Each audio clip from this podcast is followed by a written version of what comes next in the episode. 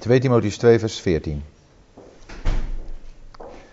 Breng dit in herinnering en betuig voor God dat zij geen woordenstrijd voeren die tot niets dient dan tot ondergang van de hoorders.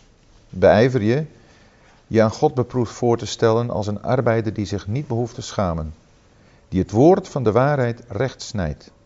Maar onttrek je aan ongoddelijk gezwets, want zij zullen voortgaan tot toenemende goddeloosheid en hun woord zal als kanker voortwoekeren.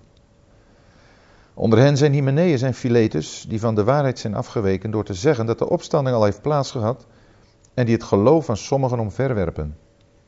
Evenwel, het vaste fundament van God staat en heeft dit zegel. De Heer kent hen die de zijnen zijn en laat ieder die de naam van de Heer noemt zich onttrekken aan ongerechtigheid. In een groot huis nu zijn niet alleen gouden en zilveren vaten, maar ook houten en aarden, en sommige wel tot eer, maar andere tot oneer.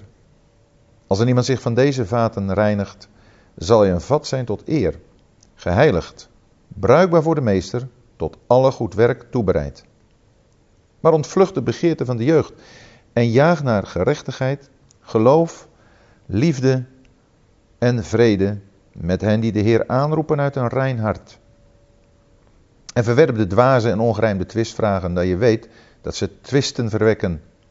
Een slaaf van de Heer echter moet niet twisten, maar vriendelijk zijn voor allen, geschikt om te leren, verdraagzaam, de tegenstanders met zachtmoedigheid terechtwijzend. Misschien geeft God hun bekering om de waarheid te erkennen en weer ontnuchterd te worden uit de strik van de duivel door wie zij gevangen zijn om zijn wil te doen. Maar weet dit, dat er in de laatste dagen zware tijden zullen zijn. Want de mensen zullen zelfzuchtig zijn, geldzuchtig, grootsprekers, hoogmoedigen, lasteraars, de ouders ongehoorzaam, ondankbaar, onheilig, liefdeloos, onverzoenlijk, kwaadsprekend, onbeheerst, ruw, zonder liefde tot het goede, verraders, roekeloos, opgeblazen, meer liefhebbers van genot dan liefhebbers van God. Ogenschijnlijk bezitten ze godsvrucht, maar de kracht daarvan verlogenen zij. Wend je ook van deze af, want onder hen zijn er die de huizen binnensluipen en vrouwspersonen inpalmen, die met zonden beladen zijn en gedreven worden door allerlei begeerten. Vrouwen die altijd leren en nooit tot kennis van de waarheid kunnen komen. Zoals nu Jannes en Jambres zich tegen Mozes hebben verzet, zo verzetten ook deze zich tegen de waarheid. Mensen, bedorven van denken, verwerpelijk wat het geloof betreft. Maar ze zullen niet verder voortgaan, want hun onzinnigheid zal aan allen geheel duidelijk worden, zoals ook bij die beiden het geval was. Maar jij hebt nauwkeurig nagevolgd mijn leer, mijn wijze van doen, mijn bedoeling, mijn geloof, mijn langmoedigheid, mijn liefde, mijn volharding mijn vervolgingen, mijn lijden, zoals mij is overkomen in Antiochië, in Iconium, in Lystra, zulke vervolgingen als ik heb verdragen, en uit alle heeft de Heer mij gered. En ook allen die godvruchtig willen leven in Christus Jezus, zullen vervolgd worden. Maar boze mensen en bedriegers zullen van kwaad tot erger voortgaan, terwijl ze misleiden en misleid worden. Maar jij, blijf in wat je geleerd hebt en waarvan je volkomen overtuigd bent dat je weet van wie je het hebt geleerd en omdat je van jongs af de heilige geschriften kent, die je wijs kunnen maken tot behoudenis door het geloof dat in Christus Jezus is. Alle schrift is door God ingegeven en nuttig om te leren, te weerleggen, te verbeteren en te onderwijzen in de gerechtigheid, opdat de mens Gods volkomen is, tot alle goed werk, ten volle toegerust. Ja, ik denk niet dat we vanavond zover uh, komen, maar ja, zo'n stuk moet je gewoon even helemaal uitlezen. Hè? Dat, uh... Nou goed, we zijn in vers 14 begonnen met de woorden breng dit in herinnering. Nou is even dan goed voor degenen die nu voor het eerst vanavond weer zijn, om een kleine terugblik te hebben, want met breng dit in herinnering bedoelt de apostel te zeggen, wat je net van mij gehoord hebt, dat moet je de gelovigen in herinnering brengen. En dat heeft te maken met, als je even kijkt naar hoofdstuk 2, vers 1, dat je je sterkt in de genade in Christus Jezus. En ook dat er iets van je gevraagd wordt in de zin van dat je een goed soldaat bent, zegt vers 3. Dat je ook een kampvechter bent, zegt vers 5. Die trouwens ook dan nog volgens de regels moet strijden. En in vers 6 dat je een arbeidende landman bent. Het drie beelden voor ons als christen. Die vertellen dat we enerzijds een strijd hebben in de wereld. Een soldaat. We leven op vijandelijk terrein. En ja, goed, dat weet u helemaal niet meer wat militaire dienst is. Ik nog wel. Maar ja, goed, dan ook is het geen oorlog. Maar je kunt iets aanvoelen van uh, geestelijke strijd, hoop ik. Dat je weet van, uh, er is een geestelijke strijd gaande. En daar kunnen wij alleen in overwinnen als wij afhankelijk zijn van onze aanvoerder. Onze generaal, de Heer Jezus. Het tweede beeld van de kampvechter geeft aan dat je ook op de goede manier moet vechten. Je moet niet vleeselijk reageren, maar vechten door de Heilige Geest. En dat is nooit van je wild van je afslaan, maar dat is in de liefde en genade van de Heer Jezus opereren, eh, bezig zijn. En vers 6 zegt dan ook van die arbeidende landman, die moet het eerst van de vrucht genieten. De eerste zegen heb je zelf, maar het geeft ook iets aan van het geduld wat moet worden opgebracht. Eh, een, een, boer die zaait, die uh, moet toch rustig wachten tot het zaad opkomt en hij de vrucht daarvan kan gaan oogsten. Zijn aspecten die voor ons en voor jongelui gewoon heel erg belangrijk zijn. Je goed uh, in herinnering te houden. Dus dat, dat brengen we ook graag in herinnering. Geldt ook voor mezelf. En dan mag je weten, zegt vers 7, dat de Heer je inzicht zal geven. Het is heel belangrijk dat je je persoonlijke relatie met de Heer Jezus onderhoudt. En dat je weet, uh, goed, je mag genieten van, van bijbelstudies, van, van mensen die je proberen duidelijk te maken wat het woord bedoelt. Maar het is de Heer die je inzicht geeft. Alleen van Hem ben je afhankelijk. Dus ook wat je van mij allemaal hoort, je zult dat met de Heer als het ware moeten overleggen. Is dat zo?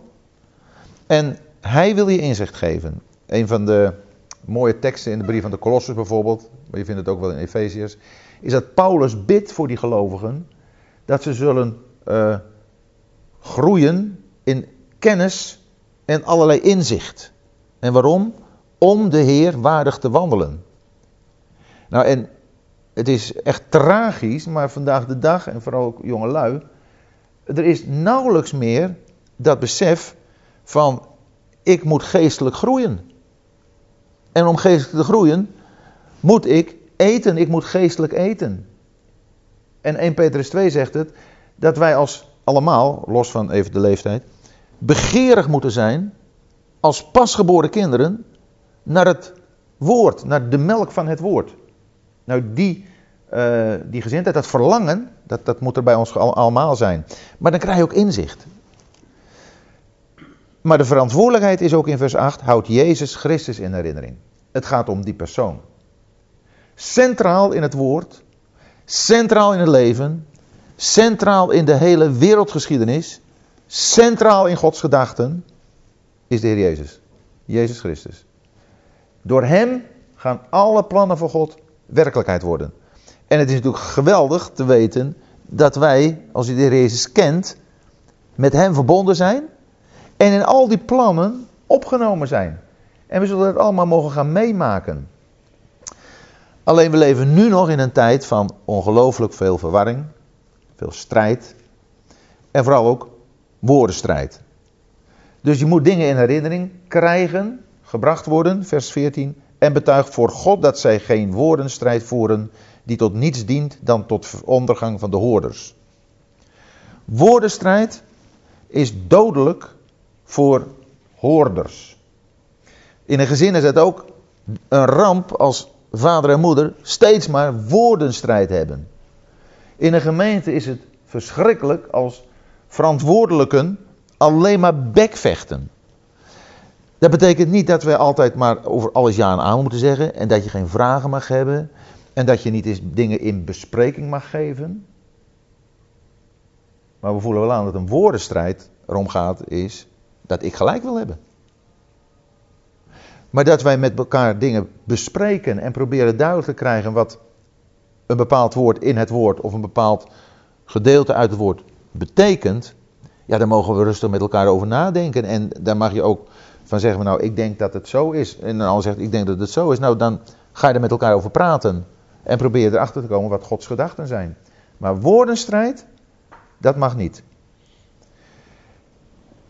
In vers 15 beijver je je aan God beproefd voor te stellen als een arbeider die zich niet behoeft te schamen, die het woord van de waarheid recht snijdt. Kijk, dat is wat God wil.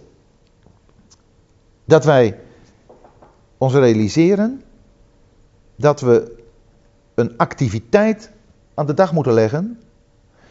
Niet met het oog mensen, maar hier staat beproefd voor te stellen als een arbeider aan God. Wij moeten leren leven in het besef dat God altijd ons ziet.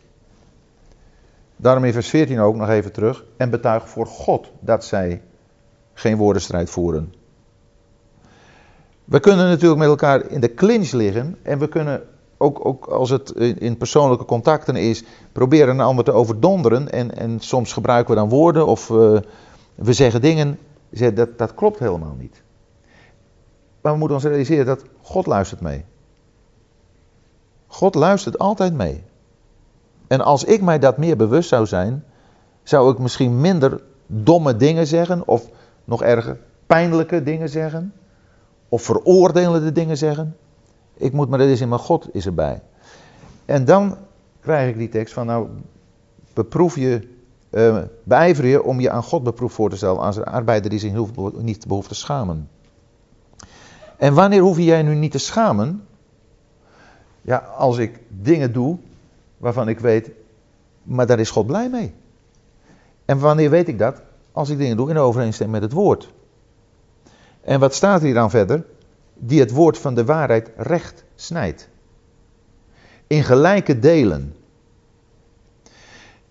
Bijvoorbeeld, wij kunnen heel gemakkelijk geneigd zijn om God voor te stellen als een God alleen maar van liefde. Oh, God, God, het is een geweldige God. Die die is zo goed voor ons. En ja, dat, wat we wel eens verkeerd doen. God is haast een goede grootvader. Die kijkt wel een dingetje door de vingers. Dat is niet waar. God is zeker liefde. Maar God is ook licht. Dus dat aspect, of aspect, het is 1 Johannes 1, vers 5 zegt God is licht. En in Johannes 4, vers 8 en 16 zegt God is liefde. Allebei die aspecten, allebei die wezenskenmerken van God moeten tot een recht komen. Als ik alleen maar zeg God is licht, wat ook in bepaalde delen van de christenheid gebeurt, alleen maar God als een oordelende God, een God die de zonde niet kan zien. En dat is waar. Maar niet alleen. Dus we moeten de waarheid recht snijden. Dat betekent in gelijke delen verdelen. We kunnen bijvoorbeeld ook niet de wet en de genade met elkaar gaan vermengen. Ook dan ben je niet bezig het waard, de woord van de waarheid recht te snijden. De wet heeft zijn functie en de genade heeft zijn functie. En die kun je niet met elkaar gaan vermengen. Dan is het tegen het woord van God. Dus we moeten leren om uh, te zien wat bepaalde waarheden van het woord in hun verband voor ons betekenen.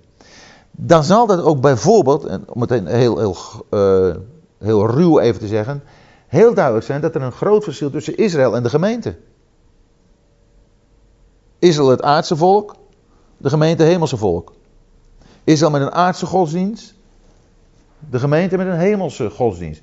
En als jij aspecten van het Jodendom, van Israël, zomaar gaat overhevelen naar het christendom, dan ben je ook niet bezig de waarheid recht te snijden. Dus het is zo belangrijk om de waarheid recht te snijden. Want dan doe je Gods woord eer aan. Ik weet niet of het hier al eens een keer gezegd heb, maar een van mijn grootste zorg of gebedspunten is, en dat zul je ook wel hebben, even in algemene zin, als je zegt, ik heb van iemand gehoord dat en dat, en je gaat dat doorgeven, dan wil je dat dat ook precies zo is zoals de ander het gezegd heeft. Of in elk geval wil je dat een ander iets van jou doorgeeft, dat precies is wat jij gezegd hebt. En er niet een eigen interpretatie aan geeft.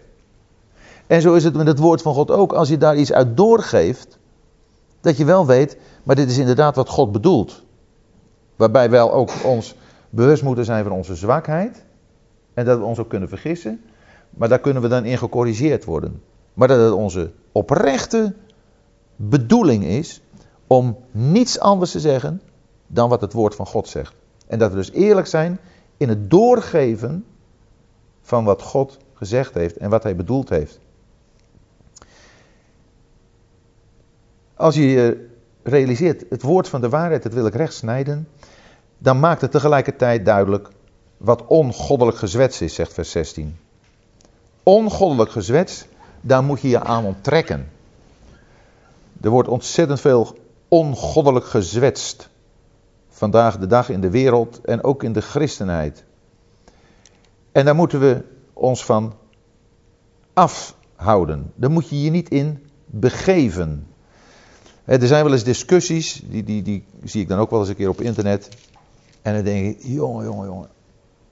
Daar moet je gewoon niet jezelf in willen begeven. Want je wordt neergesabeld en je, wordt, en je krijgt soms zulke nare, vervelende opmerkingen. Ik bedoel niet alleen maar over jezelf, maar over, over de Heer Jezus en over het woord. Dat je merkt, nee, maar hier heeft het helemaal geen zin om iets over te zeggen. Of er tegen in te gaan.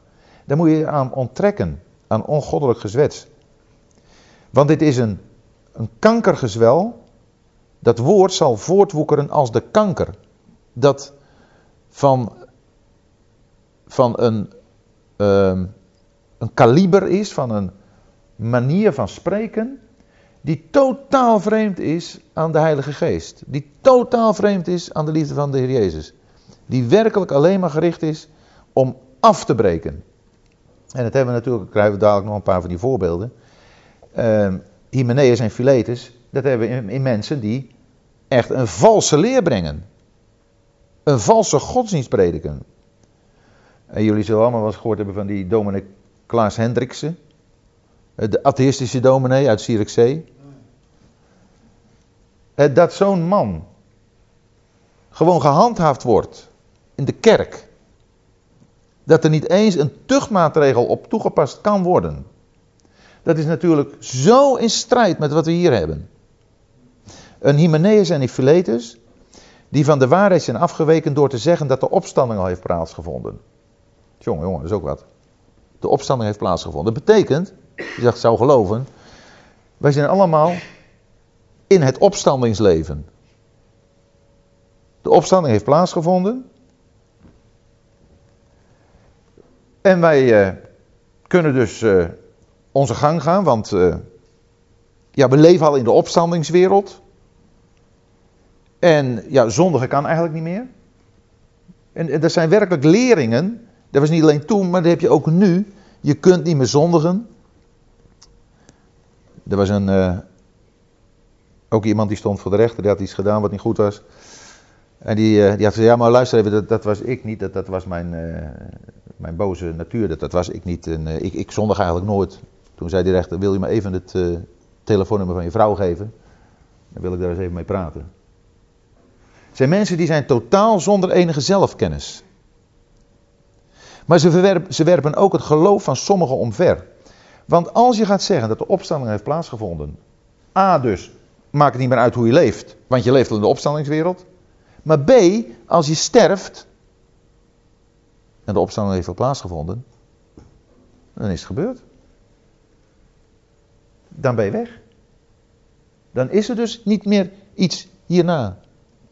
En dat is het venijn van elke fundamentele dwaalleer. Nou, in 1 Corinthians 15 gaat het over een ander aspect van de opstanding. Dat is de logening van de opstanding. Die zeggen dat er geen opstanding is, maar dan zegt Paulus, dan is ook Christus niet opgestaan. En dan zijn ook jullie nog in je zonden. Dus wat wij moeten doen, is ons realiseren als er iets op ons afkomt. Waarvan we zeggen van, hé, hoe zit het eigenlijk? Verbind het met de Heer Jezus. Elke leerling moet of iets zeggen van hem dat hem groter maakt, of het breekt af en dan moet je ervan afwenden. Wat denkt u van de Christus? Dat is de grote kernvraag voor het onderzoeken van elke dwaling. Deze mensen die uh, gingen zover ook dat ze het geloof van sommigen omverwierpen.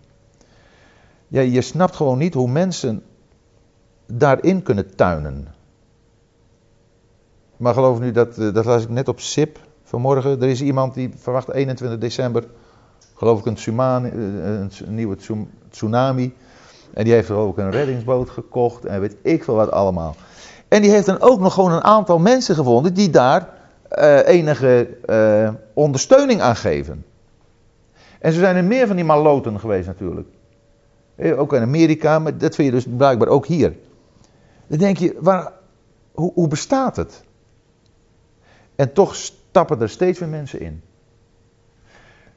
Maar het moet ons waarschuwen dat je nooit en te nimmer achter iemand moet aanlopen. Je moet altijd iemand toetsen op grond van het woord van God. Als iemand inderdaad maar een datum noemt van, van 21 december of weet ik veel wat, dan, uh, dan moet je zeggen, nou, waar haal je dat vandaan? En dan gaat hij zwabberen. Dat is onvoorstelbaar. gaat hij zwabberen. Tuurlijk gaat hij zwabberen. Want het zijn allemaal ideeën.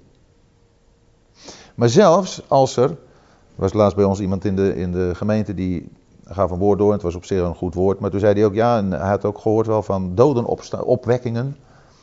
En uh, ja, dat was dan toch maar bewezen dat de mensen uit de dood waren opgestaan. Ik ken hem wel aardig goed. Ik zeg, uh, laat het hem zien, joh, hoe, hoe, kom je erbij? kun je maar even het adres geven en het telefoonnummer, want dan wil ik wel eens even met die persoon praten. Ah, ja, het was een hele, heel betrouwbaar iemand. Ik zeg, maar geef me even het adres dan. Want dan moet het toch te verifiëren zijn. Nou, ik moet het nog krijgen. Dat is al een aantal maanden geleden. Dit zijn van die ongeleide projectielen. En die worden even geponeerd. En het maakt wat indruk. Maar je moet er eens achteraan gaan om het te verifiëren. Want dan moet het ook te verifiëren zijn. En zo worden er heel veel dingen gewoon uh, in de gemeente gezegd in de gemeente in de ruime zin van het woord bedoel ik nu, in de christenheid, die ontzettend veel indruk kunnen maken. En vooral als het ook met veel flair gebeurt. Maar waarvan het waarheidsgehalte flinterdun is. En je moet er gewoon eens naar vragen. Gaat het om de Heer Jezus? Gaat het om zijn verheerlijking? Brengt het mensen dichter bij de Heer? Dan moet je dat direct kunnen zien. En dan moet je het kunnen toetsen aan het woord. Nou, deze mensen, die, uh, die zijn dus goed door de mand gevallen. Maar waarom Paulus dat nu zegt, is. Eigenlijk is de christenheid daar nu steeds voller van aan het raken. Van mensen die hun eigen ideeën volgen, maar die eigen ideeën ook nog proclameren. En het klinkt heel aantrekkelijk, het is allemaal indrukwekkend. Maar is zo iemand nou wel een kind van God? Hoe kun je dat nu zien. En dan gaat Paulus een vergelijking maken met een groot huis. In 1 Timotheus, de eerste brief van Timotheus, heeft Paulus de gemeente vergeleken met een huis, het huis van God. De gemeente is het huis van God. En dat bestaat uit alle ware gelovigen. Want in het huis van God zijn alleen levende stenen. Dat huis bestaat uit levende stenen. En dan wordt er gezegd, ik geef je, Timotheus, deze brief, ik schrijf je deze dingen, opdat je weet hoe je je moet gedragen in het huis van God. Dat is de eerste brief aan Timotheus. We zijn nu bezig met de tweede brief aan Timotheus. En de eerste keer gezegd, dat is de, het geestelijk testament.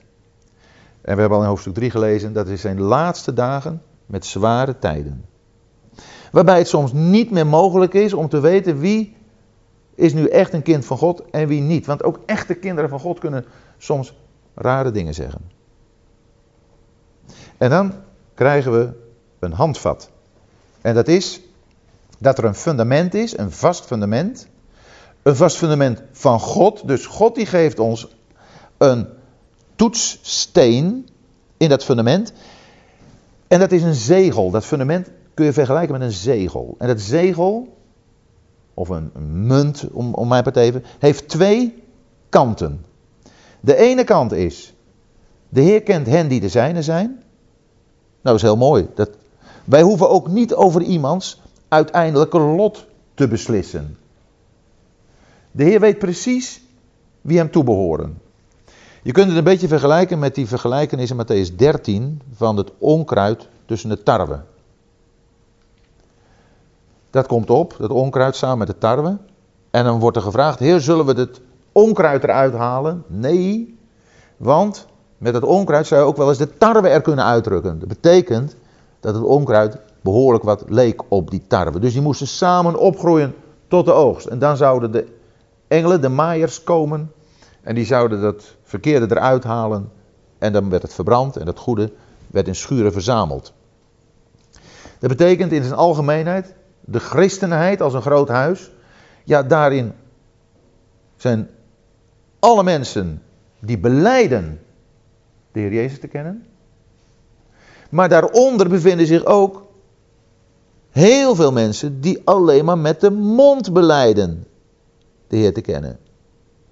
Matthäus 7 spreekt erover van die mensen. Heer, Heer, hebben wij niet in uw uh, nabijheid enzovoort enzovoort. De Heer zegt, ik heb u nooit gekend. Dus alleen maar een lippenbeleidenis. Wij weten vaak niet of iemand nou alleen maar met zijn lippen dat beleidt, of dat het toch echt nieuw leven is. Nou, nou is dat niet ons probleem. Dat kunnen we aan de Heer laten. Wat is onze zaak? Dat is het volgende. Laat ieder die de naam van de Heer noemt, zich onttrekken aan ongerechtigheid. Dat is voor ons. Nee, dat is voor mij. Want dat moet ik ook niet tegen anderen zeggen: van jij moet dit of jij moet dat. Ik moet, als ik de naam van de Heer noem, mij onttrekken aan ongerechtigheid. Hoe kunnen anderen van mij weten dat ik me niet zomaar wat zit te praten, dat ik een naambeleider ben, dat ik wel het woord uh, van de Heer of het woord Heer in mijn mond neem? Maar hoe kun je dat controleren? Hoe kun je dat vaststellen? Ja, door te zien of ik mij aan ongerechtigheid onttrek. En wat is dat, ongerechtigheid? Dat is ongerechtigheid van het kaliber van Hymenaeus en Philetus. Van mensen die grof dwalen ten aanzien van de Heer Jezus en zijn werk. Of van het woord van God, die het woord van God niet serieus nemen of er helemaal eigen invulling aan geven. Ja, nog een staaltje daarvan, dan hoor, las ik ook weer op, nee, las ik in de krant geloof ik. Een dag geleden, dat er nu een homo-bijbel is. In Amerika is er gisteren een homo-bijbel uitgekomen. Dat is al een poosje, was het in de maak, heb ik nu gisteren gezien. In 2009 was er al sprake van, is nu uitgekomen.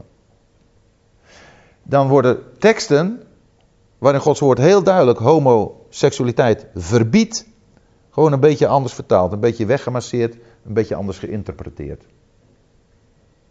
En zo gaat het nog verder. De hele uh, scheppingsverhaal is verminkt.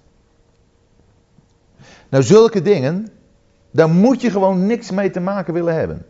En of nu een, iemand die homo is, wel of niet nieuw leven heeft, dat is niet aan mij. Het woord van God maakt duidelijk dat ik mij moet afzonderen, dat ik mij moet onttrekken aan ongerechtigheid. En natuurlijk moet dat in de gemeente, de plaatselijke gemeente, de gemeente waar je samenkomt, moet daar tucht over worden uitgeoefend. Zeker. Maar het gaat er in de eerste plaats om dat ik mij eraan onttrek. Dus dit is heel belangrijk als het gaat om het onderscheid tussen een naambeleider en iemand die echt de Heer kent. En Paulus die gaat dat ook verder duidelijk maken door dat grote huis. In het grote huis daar zijn niet alleen gouden en zilveren vaten, maar ook houten en aarden. Dat is een verschil in materiaal. Dan krijg je, en sommigen wel tot eer, maar anderen tot oneer. Dat is een verschil in bestemming.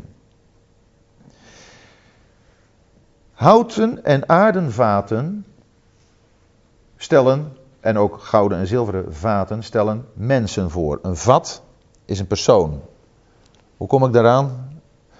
Dat kun je lezen bijvoorbeeld als de Heer tegen Ananias over Paulus spreekt. Dan zegt de Heer tegen Ananias: Deze is mij een uitverkoren vat. In handelingen 9. En uh, dat een ieder zijn eigen vat weet te bezitten in eerbaarheid. Ook dat is zo'n uh, uitspraak. Ik dacht in 1 Petrus 3. Of in Thessalonicense 1 Thessalonicense 4, ja, dat kan natuurlijk ook. Even kijken. We moeten gelijk even controleren. Ja, inderdaad. Bedankt. In 1 Thessalonicense 4, vers 3. Want dit is de wil van God, uw heiliging, dat u zich onthoudt van de hoerij, dat ieder zijn, van u zijn eigen vat weet te bezitten. En ook nog in 2 Korintiërs 4. Maar wij hebben deze schat in aardenvaten. Uh, daar is het lichaam van, ons lichaam in zijn uh, breekbaarheid, wordt daar voorgesteld. Dus die, die gouden, gouden en zilveren vaten en houten en aardenvaten zijn personen. Maar zoals gezegd, het materiaal is verschillend. En nu heb je in 1 Corinthians 3 ook deze materialen.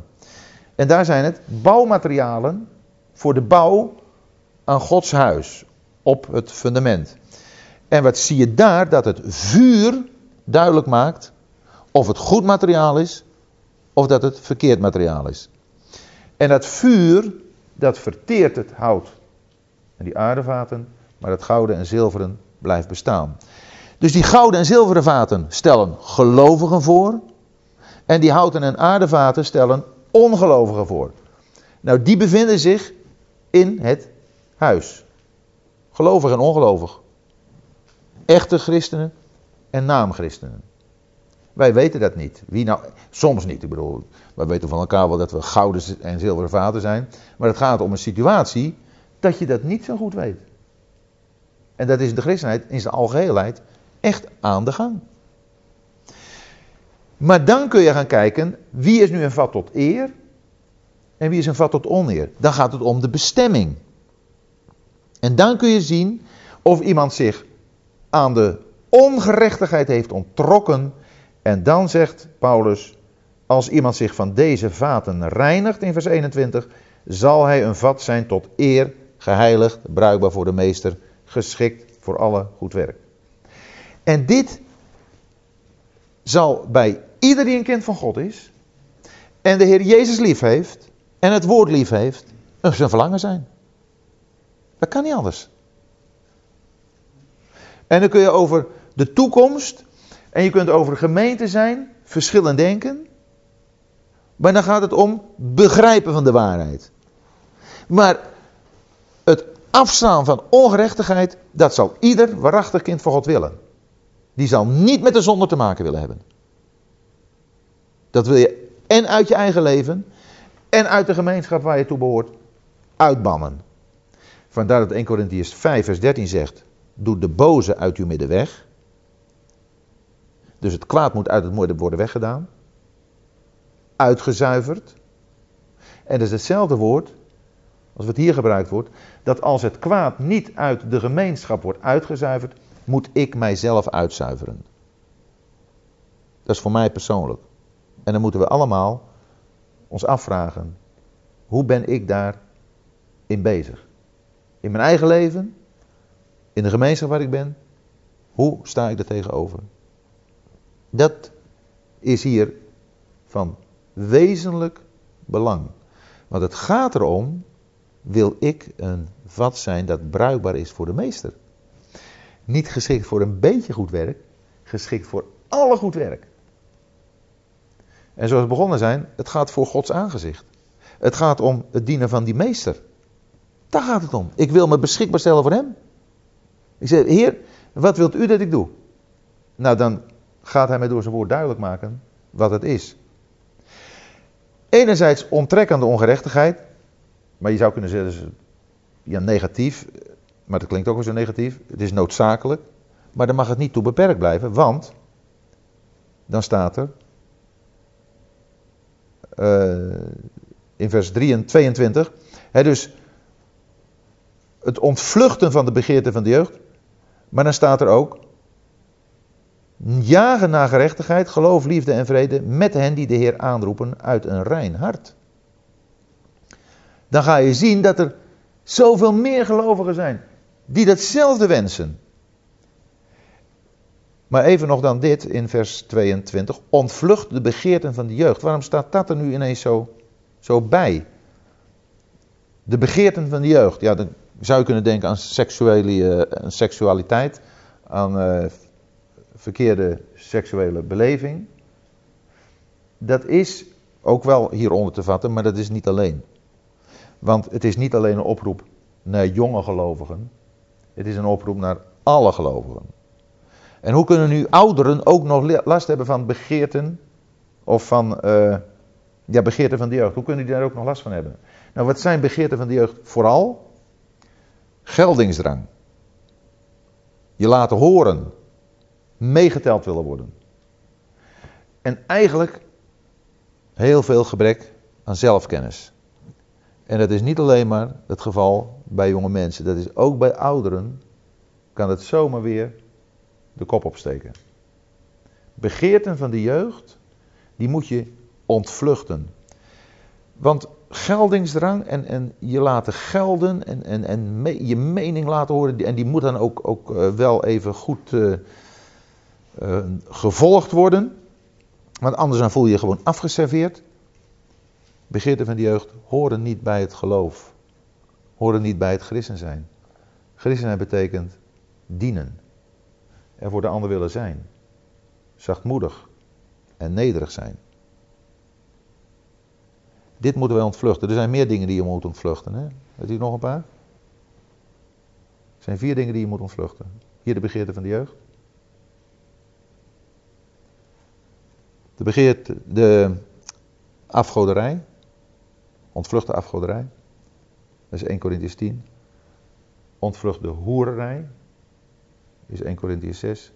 En ontvlucht de geldzucht. Dat is 1 Timotheus 6. Vier dingen waarvan de Bijbel zegt, die moet je ontvluchten. Ook daarom denk ik al dat begeerte van jeugd niet alleen maar seksuele zaken zijn. Want voor ontvlucht hoerij wordt iets heel specifiek tegen ons gezegd. Maar die vier dingen moet je ontvluchten. Waarom moet je dingen ontvluchten? Er staan ook dingen in de Bijbel, daar moet je stand houden. Hè? Houd dan stand.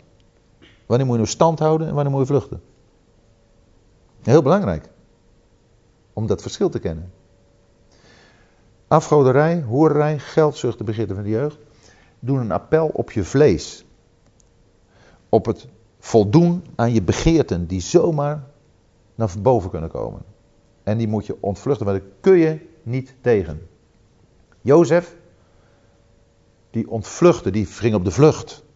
Toen de vrouw van Potifar hem in bed wilde lokken. En het was niet zomaar een eenmalige zaak. Dag aan dag wilde die vrouw van Potifar hem in bed hebben. En toen ze een keer hem greep, toen liet hij zijn mantel achter en toen ging hij er vandoor. Wij moeten niet de sterke held uithangen op terreinen waar het vlees wordt aangesproken. De begeerten worden aangesproken. Dat moet je niet doen want dan ga je voor de bijl. Stand houden moet je als de duivel ons bang wil maken. Dan moet je stand houden. Houd dan stand. De lenderen omgord en dan krijg je de wapenrusting. Als hij wil intimideren om je christelijk getuigenis op te geven.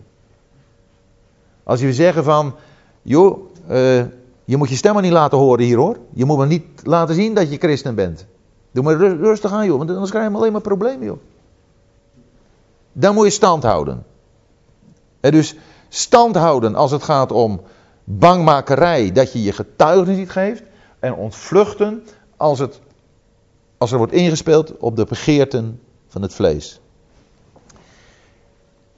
De begeerten van de jeugd. En dan moet je gaan jagen. Dus ontvluchten, maar naar jagen. Dat is ook weer zoiets krachtigs, vind ik. Hè? Dat is niet zo eens, nou ja, af en toe eens even hiermee bezighouden. Nee, je moet inzetten. Je moet tegen de stroom in durven gaan. En dan jagen naar Niet in de eerste plaats liefde, maar gerechtigheid. Naar wat recht is voor God. Gerechtigheid. Geloof. dat is het geloofsvertrouwen. Dat, dat, dat je God op alle terreinen mag vertrouwen. Liefde, inderdaad, dat is het motief, de drijfveer. En ook vrede. We gaan geen ruzie zoeken. We zijn vredestichters. Met allen die de Heer aanroepen uit een rein hart. Nou, dat is het belangrijke aspect. Dan proef je dat een hart rein is. Dat er een verlangen is om voor de Heer Jezus te leven. Dat reine hart, zalig de reinen van hart, zegt de Heer Jezus in Matthäus 5, want zij zullen God zien. iemand met een rein hart, die is erop uit om voor de Heer te leven en om de gelovigen te bemoedigen en te stimuleren in hun leven met de Heer. En dan krijg je weer, in vers 23, verwerp die dwaze en ongerijmde twistvragen. Twistvragen, die zul je, als die ergens worden geïntroduceerd, altijd onrust veroorzaken. Nogmaals, het is weer niet, is in alle oprechtheid een bepaald punt bespreken waar je het niet zo over eens bent. Maar dwaze en ongerijmde twistvragen, nou, de tekst is duidelijk genoeg, die zijn bedoeld gewoon om onrust en verdeeldheid te zaaien. En die moet je dus verwerpen. Dat je weet dat ze twisten verwekken. En een slaaf van de Heer moet niet twisten, maar vriendelijk zijn voor allen. Vriendelijkheid is zo'n belangrijk aspect. Dat is een, een, als het goed is een handelskenmerk van de, van de christen. Vriendelijkheid. Behulpzaamheid. Anderen helpen. Vriendelijk zijn voor allen. Geschikt om te leren. En dus je, je, je, moet ook maar niet je, je emotie volgen, je, je gevoel van. Nee, maar geschikt om te leren. Dat wil zeggen dat je kunt uitleggen waarom je dingen doet. Of niet doet. Waarom je dingen meedoet of niet aan meedoet. Dat je dat vanuit het woord kunt duidelijk maken.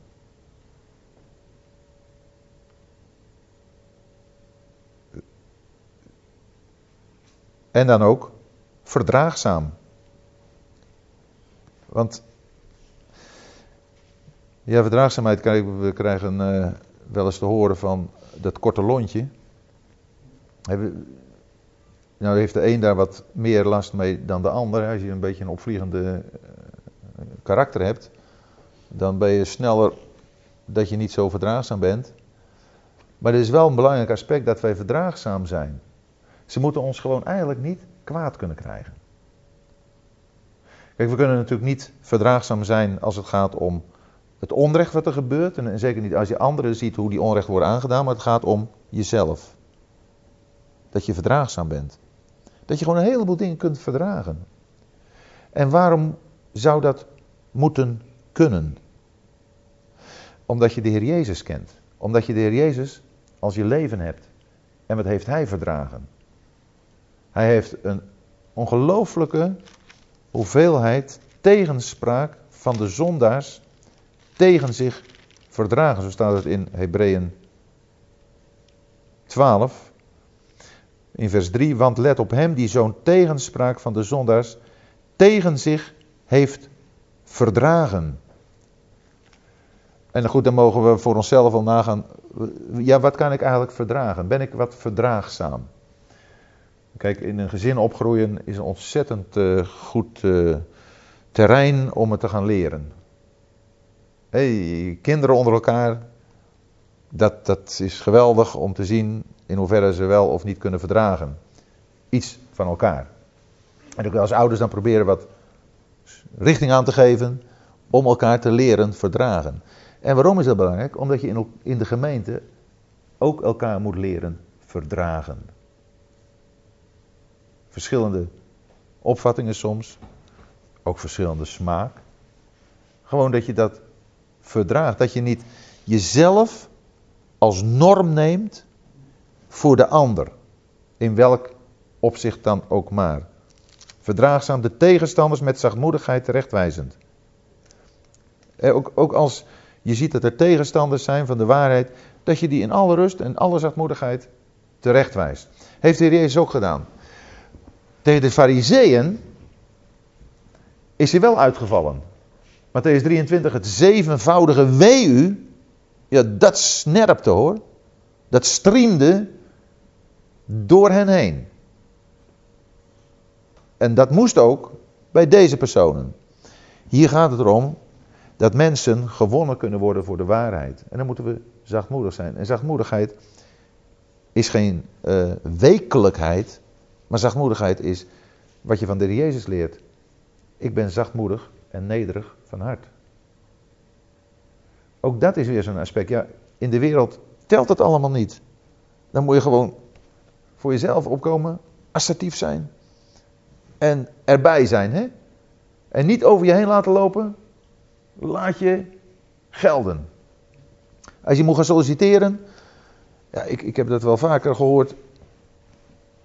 Dan moet je al je goede kwaliteiten op gaan schrijven. En je moet jezelf verkopen. En je moet dit van jezelf. Hier ben ik geweldig in. En daar ben ik geweldig in. Ja, het zal in deze maatschappij horen. Maar ik denk dat als je. En je mag best eerlijk zijn over dingen die je wel kunt. Maar ik, ik heb er niet zoveel mee als je jezelf zo geweldig presenteert. Dan heeft het voor mij niet zoveel meer met een kenmerk van zachtmoedigheid van de Jezus te maken. Van een niet jezelf presenteren. Maar die zachtmoedigheid is geen wekelijkheid. Geen, geen, uh, dat je met iemand, zo iemand niets kunt beginnen. Dat is pas karakter. Zachtmoedig zijn in een keiharde wereld, dat is karakter. En dat heeft de Heer Jezus getoond. En we kunnen het ook alleen maar van Hem leren. En daar kun je mensen door winnen. Want je kunt dus discussies winnen, maar je tegenstander verliezen. Maar het gaat niet om een discussie te winnen, het gaat erom je tegenstander te winnen. En dat kan alleen als je met de Heer bent en zijn gezindheid toont. Met zachtmoedigheid terechtwijzend. Misschien geeft God hun bekering om de waarheid te erkennen en weer ontnuchterd te worden uit de strik van de duivel door wie ze gevangen zijn om zijn wil te doen. Kijk, die mensen zijn gewoon gevangen door de duivel. Dat moeten we ons goed realiseren. En daarom willen we hen ook terechtwijzen met zachtmoedigheid. Het werk van de bekering kan God alleen doen. Vandaar dat staat, misschien geeft God hun. Wij kunnen dat ook nog niet eens claimen. Maar we kunnen er wel aan werken en in Gods weg staan dat, niet God in de weg staan, maar in Gods weg staan, dat we door Hem gebruikt kunnen worden om harten en gewetens te, te, bereiken. Nou, en, en dat is, uh, ben ik daartoe bereid, zijn jullie daartoe bereid om zo met je medemensen, en vooral dan in dat grote huis, mensen die beleiden uh, een betrekking, een relatie met, met de Heer te hebben, zijn naam noemen, maar van wie je ziet dat ze tegenstanders zijn, om die te winnen. Daar gaat het om. En dat kan, dat kan nog steeds. En er is veel volharding. En veel verdraagzaamheid. En veel zachtmoedigheid voor nodig. En ook veel standvastigheid in de waarheid. Want je moet je niet door alles uh, wat er op je afkomt, maar heen en weer laten slingeren. Je moet de, liefde vast, je moet de waarheid vasthouden in liefde, zegt Efeziërs 4. Het is zo belangrijk dat je geworteld en gegrond bent in Christus en in het woord. Dat is het enige wat belangrijk is in dit leven. En als je dat doet, dan zul je zien dat dat zijn weerslag vindt in alle aspecten van je leven. En dat tilt alles van jouw leven gewoon naar een hoger plan. Dan ga je beantwoorden aan, aan Gods doel met jouw leven. Dan, dan is christen zijn niet een, een aspect van je leven, maar christen zijn, dat is je leven. En dat wil je op alle terreinen waar jij je bevindt ook tonen. Maar gemakkelijk is het niet. Want we leven, weet dit, in laatste dagen. En daar zijn zware tijden. Laatste dagen betekent dat we vlak voor de komst van de Heer Jezus staan. De laatste dagen. Ja, dat kan maar één ding betekenen. Dat het binnenkort gewoon afgelopen is na het laatste komt het eind. Het laatste gaat naar het eind toe. Dit zijn laatste dagen. En zware tijden. Want het is niet gemakkelijk om christen te zijn nu. Want je moet tegen de stroom in durven gaan. Want de christenheid is vol van mensen. En dan komt er in de versen 2 tot en met 4 een lijst van mensen die worden gekenmerkt door alleen maar egoïsme, ondankbaarheid, geldzucht. Gewoon die eerste twee al. Zelfzuchtig en geldzuchtig. Oorspronkelijk staat daar liefde voor zichzelf, liefde voor het geld. En de lijst eindigt met meer liefhebbers van genot dan liefhebbers van God. De mensen van vandaag, en vooral jonge mensen, dat zijn de hedonisten. Dat zijn de, en een hedonist is iemand die alleen puur voor het genot leeft. Genieten, dat is nu. En genieten, dat is alles wat ik maar vind waar je van kunt genieten.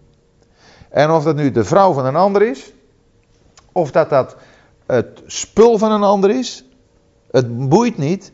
Maar als ik dat kan gebruiken om mijn genot te beleven, dan pak ik het.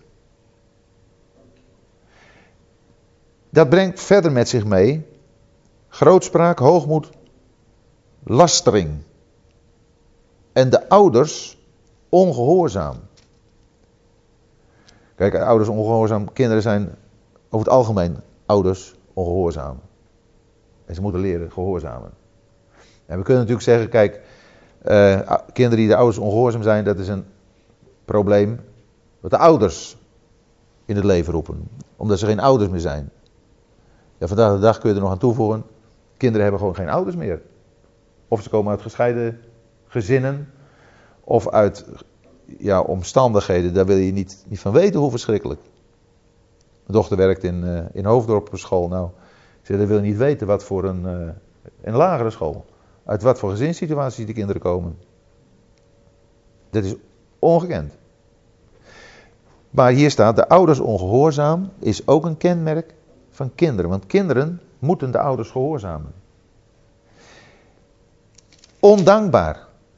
Nou ja, wie is er nu nog echt dankbaar? Echt dankbaar met alles wat je hebt. Geen ontevredenheid? Nergens dat je nog zegt van, ja maar luister, dit, uh, dit bevalt me helemaal niet en dat wil ik anders hebben in mijn leven. Ondankbaarheid.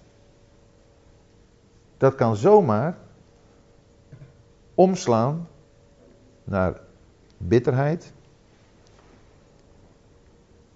En dat is een wortel, bitterheid, die het geloofsleven verwoest. En daarom is het zo belangrijk dat wij de opdracht die de Heer ons geeft, en wees dankbaar, gewoon gehoorzamen. En ga dan maar eens danken. Danken voor zoveel dingen die je hebt. De duivel wil je duidelijk maken dat er een aantal dingen is wat je niet hebt. En omdat je dat niet hebt, en misschien wel dat ene niet hebt, ja, daarom is je leven eigenlijk uh, niks waard. Hè? Of uh, het grote gemis aan iets, dat kan je leven zo vullen dat je geen zicht meer hebt op de vele, vele dingen die de Heer je wel gegeven heeft. En dat is bij ieder van ons verschillend. Want je kunt van alles hebben en juist dat ene niet. En dan kun je helemaal fixeren op dat ene en daar helemaal ongelukkig te worden. En daarom is het zo belangrijk, wees dankbaar. Niet die ondankbaarheid. En wat nog opmerkelijker is, dat is dat in Romeinen 1 deze lijst ook genoemd wordt. Bijna identiek. En wat is dan van het opmerkelijke? Dat in Romeinen 1 de situatie van de mensen van deze wereld wordt beschreven. En de mensen van deze wereld, ja natuurlijk, die zijn zelfzuchtig, geldzuchtig, ondankbaar, ouders ongehoorzaam, enzovoorts. En meer liefhebbers van genot dan liefhebbers van God. Mensen van de wereld die zonder God leven, het duidelijk. Maar hier gaat het erom, wat in vers 5 staat, ogenschijnlijk bezitten ze godsvrucht, maar de krachten van verlogenen zijn. Dit zijn de dingen die in het grote huis, dit zijn de dingen die in de christenheid gevonden worden. Het is helemaal geïnfiltreerd. En dan moeten wij de ogen gewoon goed open voor hebben om het gevaar ervan te onderkennen. Omdat het zomaar ook bij ons binnen kan komen, in ons hart, in ons leven. En ik denk dat het eerlijkheid is om je af te vragen van deze uh, lijst. Zijn er dingen op deze lijst die gewoon ook op mij van toepassing zijn? Waar ik van, van moet bekeren. Of waarvan ik moet zeggen, Heer, wilt u me helpen om hiermee af te rekenen? Want dit is niet goed, wat ik hierin doe. Roekeloos. Ja, vraag je maar af, roekeloos. Dat betekent totaal geen oog hebben voor bepaalde gevaren. En uh, ja goed, de een heeft wat meer een avonturiersgeest dan de ander. Die zal ook iets meer durven dan een ander. Maar roekeloos heeft toch een beetje in zich spelen met je leven. Wat vaak ook inhoudt spelen met het leven van een ander. Gewoon niet over gevaren nadenken. Maar een christen, die gaat wel overwogen te werk. En is niet roekeloos. Kijk, we zijn allemaal wel eens een keer roekeloos hoor. Zeker als je jong bent, dat heb ik natuurlijk ook wel gehad. Dat je roekeloos bent in, in het verkeer of, of uh, ja, misschien ook wel in, in omgang met anderen. Dat je, dat je dingen zegt of uh, vraagt waarover je gewoon niet nagedacht hebt. Dat, dat is een soortje roekeloos. Nee, het gaat hier om mensen die dat gewoon als, als een soort leefstijl hebben. Ja, opgeblazen, ook zoiets. Opgeblazen is hè, groter zijn dan je bent. Opgeblazen. Ja, wie heeft er nooit eens een keer iets gezegd waar hij toch een klein beetje beter uit naar voren kwam dan die in werkelijkheid was? Toch eh, het verhaal een beetje mooier maken. Dat ze net een klein beetje meer onder de indruk van je komen, van wat je meegemaakt hebt, of hoe je bent. dan, maar die opgeblazenheid, daar moet ingeprikt worden, dat moet weg. Wees eerlijk. Gewoon zoals je bent. Ook in je zwakheid. In je tekorten die je hebt.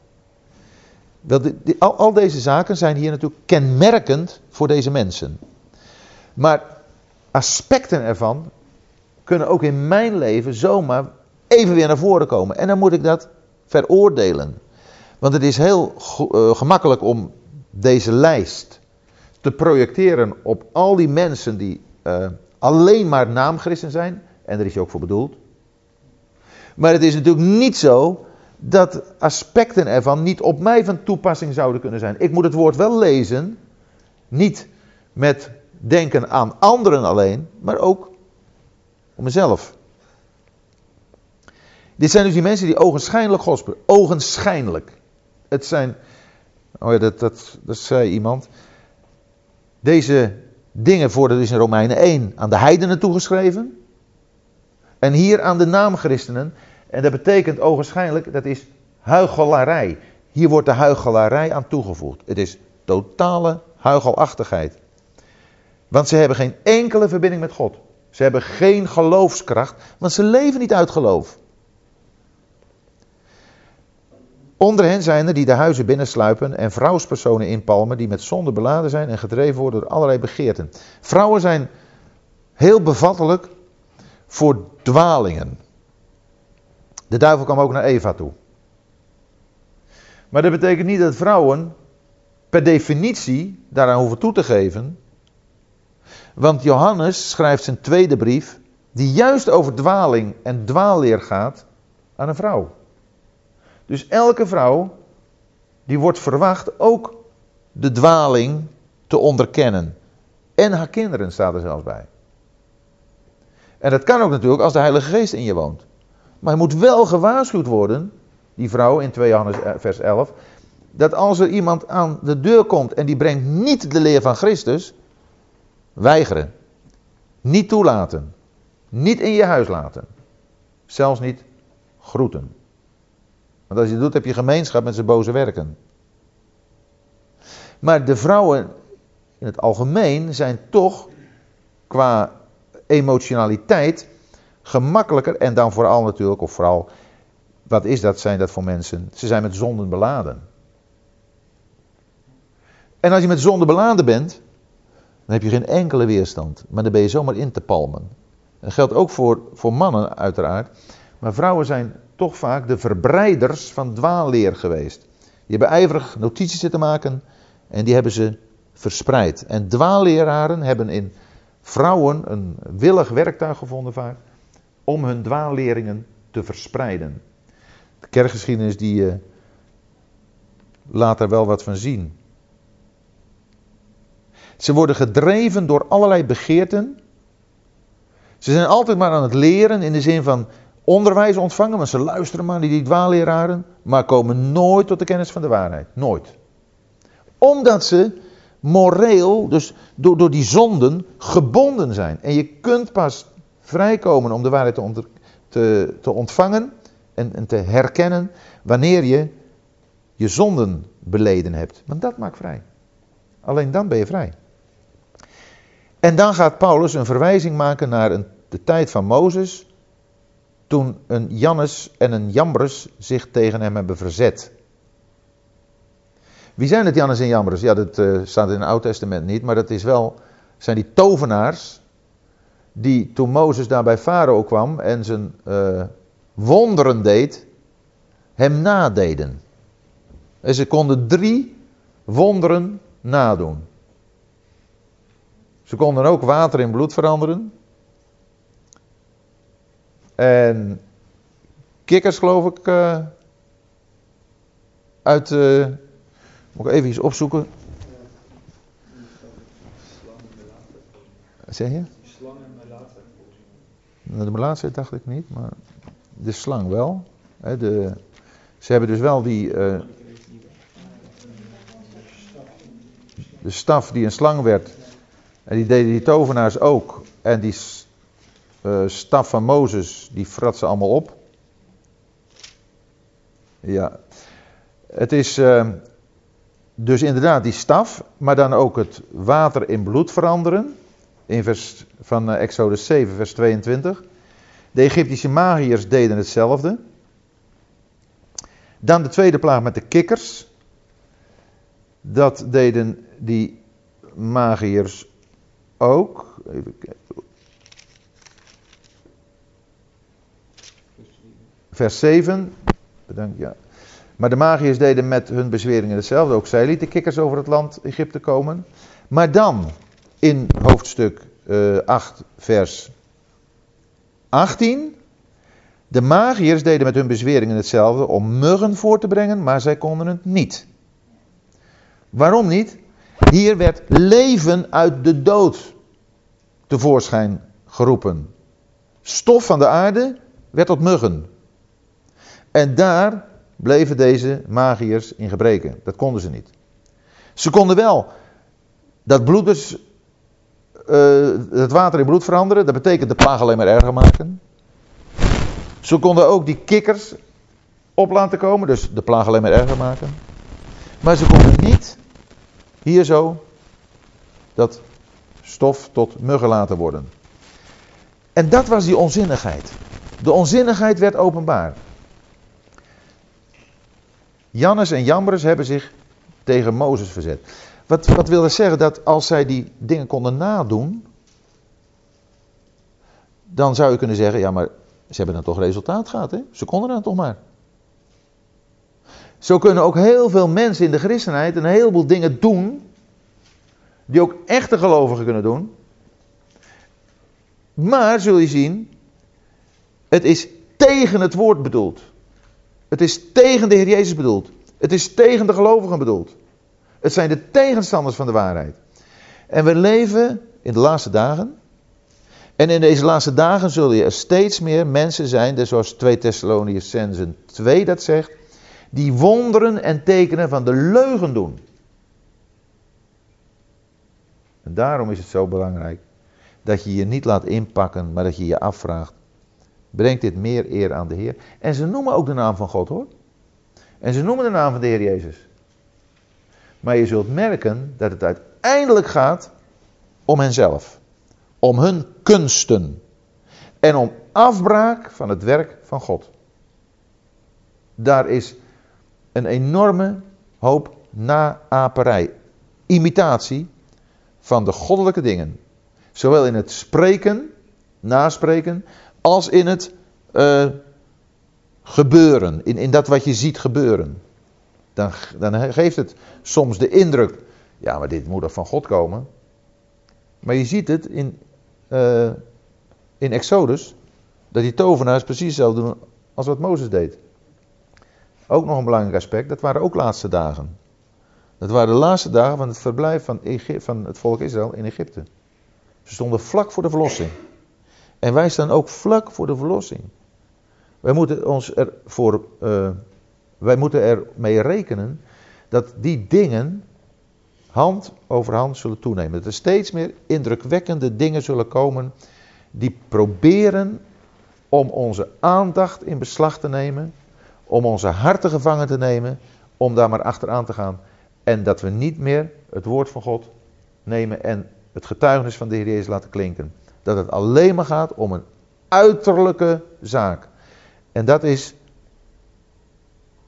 heeft hier te maken met mensen die bedorven zijn van denken en verwerpelijk wat het geloof betreft. Maar er zal een eind aan komen. Ze zullen niet verder voortgaan, want hun onzinnigheid zal in alle geheel duidelijk worden, zoals ook bij die beiden het geval was. Eh, dus toen uh, dat geval met dat stof tot muggen werd, toen konden ze niet. Er komt een moment dat duidelijk is, hier kunnen ze niks meer. En dat zie je ook als het gaat om tekenen en wonderen. Wat alleen mensen uh, tot bekering, tot nieuw leven brengt, is het woord. Is het woord van God. Geen tekenen en wonderen. Dat voert alleen maar van de Heer af. Wij hebben in Paulus een geweldig voorbeeld. Timotheus, die wordt op Paulus gewezen. Jij hebt nauwkeurig nagevolgd. Mijn leer. Wat wij moeten doen is Paulus navolgen in zijn leer. Dat is het eerste onderwijs. Wij moeten onderwijs hebben.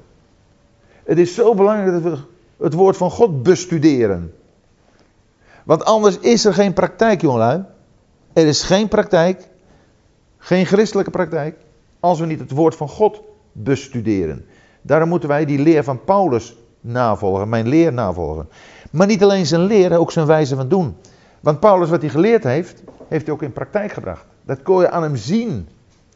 En, en zo moet je ook met, ja, met wie je ook praat. Maar als ze praten over de Heer Jezus en over het leven met hem en uh, ja, wat de Bijbel daarover zegt.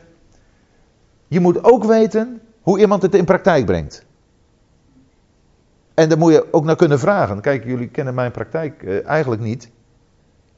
Maar je moet mij kunnen vragen. Of je moet anderen ernaar kunnen vragen. Want het onderwijs moet inhoud hebben in mijn eigen leven. Want als dat niet zo is, is mijn woord waardeloos. In elk geval wat mezelf betreft. Jullie zouden wat kunnen hebben, maar het is wat mij betreft waardeloos. Want het spreekt alleen maar tegen mij. Bij Paulus was het in elk geval duidelijk. Timotheus had gekeken naar zijn leer. En hij had gekeken naar zijn gedrag. En hij had gezegd, ja dat klopt helemaal met elkaar. Maar hij had zelfs dieper gekeken, want hij had ook gekeken naar mijn, wij, mijn bedoeling. Wat is de bedoeling die erachter zit? Wat is zijn motivatie? Nou, ook dat is gewoon een aspect van belang. dus we hebben te maken met een complete mens die een onderwijs brengt waar zijn leven achter staat en waar zijn hart vol van is. En zijn geloof, het vertrouwen dat Timotheus gezien heeft, zijn langmoedigheid, het gewoon rustig doorgaan, geduldig zijn, zijn liefde, volharding, vervolgingen, lijden. Alles van Paulus heeft Timotheus onderzocht. Maar het is ook Paulus die zegt mijn, mijn, mijn. Het, het is allemaal van hemzelf. Het is zijn eigendom. En jongen, jullie moeten op een bepaalde manier ook zo kunnen uh, uh, getuigen. wij voelen onze zwakheid, wij zijn geen Paulus. Maar het moet wel allemaal met elkaar corresponderen. En daarin kunnen we elkaar helpen en stimuleren ook voor elkaar bidden. En hier dan verder ook nog. Er waren vervolgingen, Paulus heeft verdragen. Maar uit alle heeft de Heer mij gered. Hij is zich bewust geweest, Ik ben er niet op eigen kracht uitgekomen. Ik heb niet bepaalde foefjes gebruikt, maar geef de eer aan de Heer. Die heeft dat gedaan. En dan in vers 12, en dat is zo voor ons, voor jullie en voor mij van belang. En ook alle die God vruchtig willen leven in Christus Jezus zullen vervolgd worden. Het gaat erom, wil jij dat? Wil ik dat? Het is een kwestie van je wil. Je kunt hier allemaal aan ontkomen. Je kunt het allemaal aan je voorbij laten gaan. Weet je wat je moet doen? Gewoon niet vooruitkomen dat je christen bent, joh. Gewoon niet vertellen dat je die Jezus kent, dat je van hem houdt. Gewoon een beetje meedoen. Ah, niet altijd erg natuurlijk, maar dan heb je geen problemen. Maar zodra je, zoals Paulus gaat doen, zodra je als Timotheus gaat doen, en je wilt godvruchtig leven, je wilt leven tot eer van de Heer, dan ga je vervolging ga je krijgen. En dat zal de bij ons niet direct vrijheidsberoving zijn, maar in elk geval toch een beetje bespotting, een beetje uitlachen, meewarig kijken van ja joh. En uh, onbegrip. Nou, er niet bij horen. Het zijn allemaal aspecten die voor ons een stukje vervolging kunnen betekenen. En boze mensen, die gaan van kwaad tot erger. Dus we hoeven niet te verwachten, jongelui, dat er een verbetering komt. Er is niet zoiets als een wereldwijde opwekking die gaat komen. Vergeet het. Is gewoon niet waar, het is een leugen. Boze mensen gaan van kwaad tot erger. We leven in de laatste dagen. Deze zegt, zal ik nog wel geloof vinden als ik op aarde kom? Dat is de situatie. Maar jij blijf in wat je geleerd hebt. Jongen, hou vast. Blijf in wat je geleerd hebt. En waarvan je volkomen overtuigd bent. Ben je overtuigd? Zijn wij mensen met een overtuiging? Daar gaat het om. Of ben je gewoon ook iemand die, ja, ik weet het ook niet zo goed. Ik had een, eh, avond voor een uh, Ichtus groep in, uh, in Zwolle ging het over de waarheid. En daarna kwam er iemand naartoe en zei: Ja, hij zegt de waarheid. Ja, ik kan het maar allemaal volgen hoor, wat je, wat je zegt. Maar nee, voor mij is die waarheid er niet. Voor mij, uh, ik zeg geloof je wel een God. Ja, hij zei op het ogenblik ook even niet. Die jongen die wist gewoon niet wat waarheid was, maar die wilde het ook niet weten. Als je niet wilt weten, kom je er ook niet achter. Als je oprechte waarheid wilt kennen, zul je hem kennen. En als je hem kent, ga je hem vasthouden. Ga je hem verdedigen. Ben je overtuigd. En dat is wat mensen nodig hebben. Dat is wat jij nodig hebt in de eerste plaats. Maar dat is ook waar je anderen mee helpt. Dat kwade gaat alleen maar steeds meer door. Maar jij blijft bij wat je geleerd hebt. En waar je volkomen van overtuigd bent. Omdat je weet van wie je het hebt geleerd. Timotheus, die had van jongs af de heilige geschriften gekend. Kende die. Die hem wijs kunnen maken tot behouden. Dus wat betekent dat? Die hem kunnen helpen veilig het einddoel te bereiken. Want de behoudenis, hij was al behouden door het geloof. Maar die behoudenis die was nog toekomstig. En daarom hebben wij het woord nodig. En ik weet niet wat jullie achtergrond is. Ik hoop dat jullie ook ouders en grootouders hebben die jullie dat hebben bekendgemaakt en in het leven van je ouders en grootouders ook hebt kunnen zien. Zoals Timotheus het van zijn grootmoeder en van zijn moeder had gehoord. En het is voor ouders en grootouders heel belangrijk om hun kinderen en kleinkinderen dat weer door te geven. Dus mocht je dat, eh, die, eh, die periode nog bereiken, dan weet je het alvast. Maar het is zo belangrijk om het aan je kinderen door te geven. En voor te leven. En ook als je geen kinderen hebt, dan zijn de kinderen van de gemeente je kinderen. En kun je het voorleven. Paulus was ook niet getrouwd. Maar Paulus had heel veel geestelijke kinderen. heeft hij ze voorgeleefd. En we kunnen het allemaal op een bepaalde manier voorleven vanuit een overtuiging die anderen zal helpen om dat na te volgen. En uh, ja goed, die heilige geschriften, ja, die, die hebben we in onze handen. Door het woord van God. Nou, en ik hoop dat dat voor ons de enorme bemoediging en stimulans is. Om daarop te gaan staan, dat vast te houden, dat uit te dragen. Tot eer van God en, en de Heer Jezus en tot zegen om ons heen. Nou, dan kunnen we de laatste twee versen voor een volgende keer bewaren, want die zijn een prachtig uitgangspunt. Om aan te sluiten bij wat we nu hebben gehoord en voort te gaan met wat dan nog komt.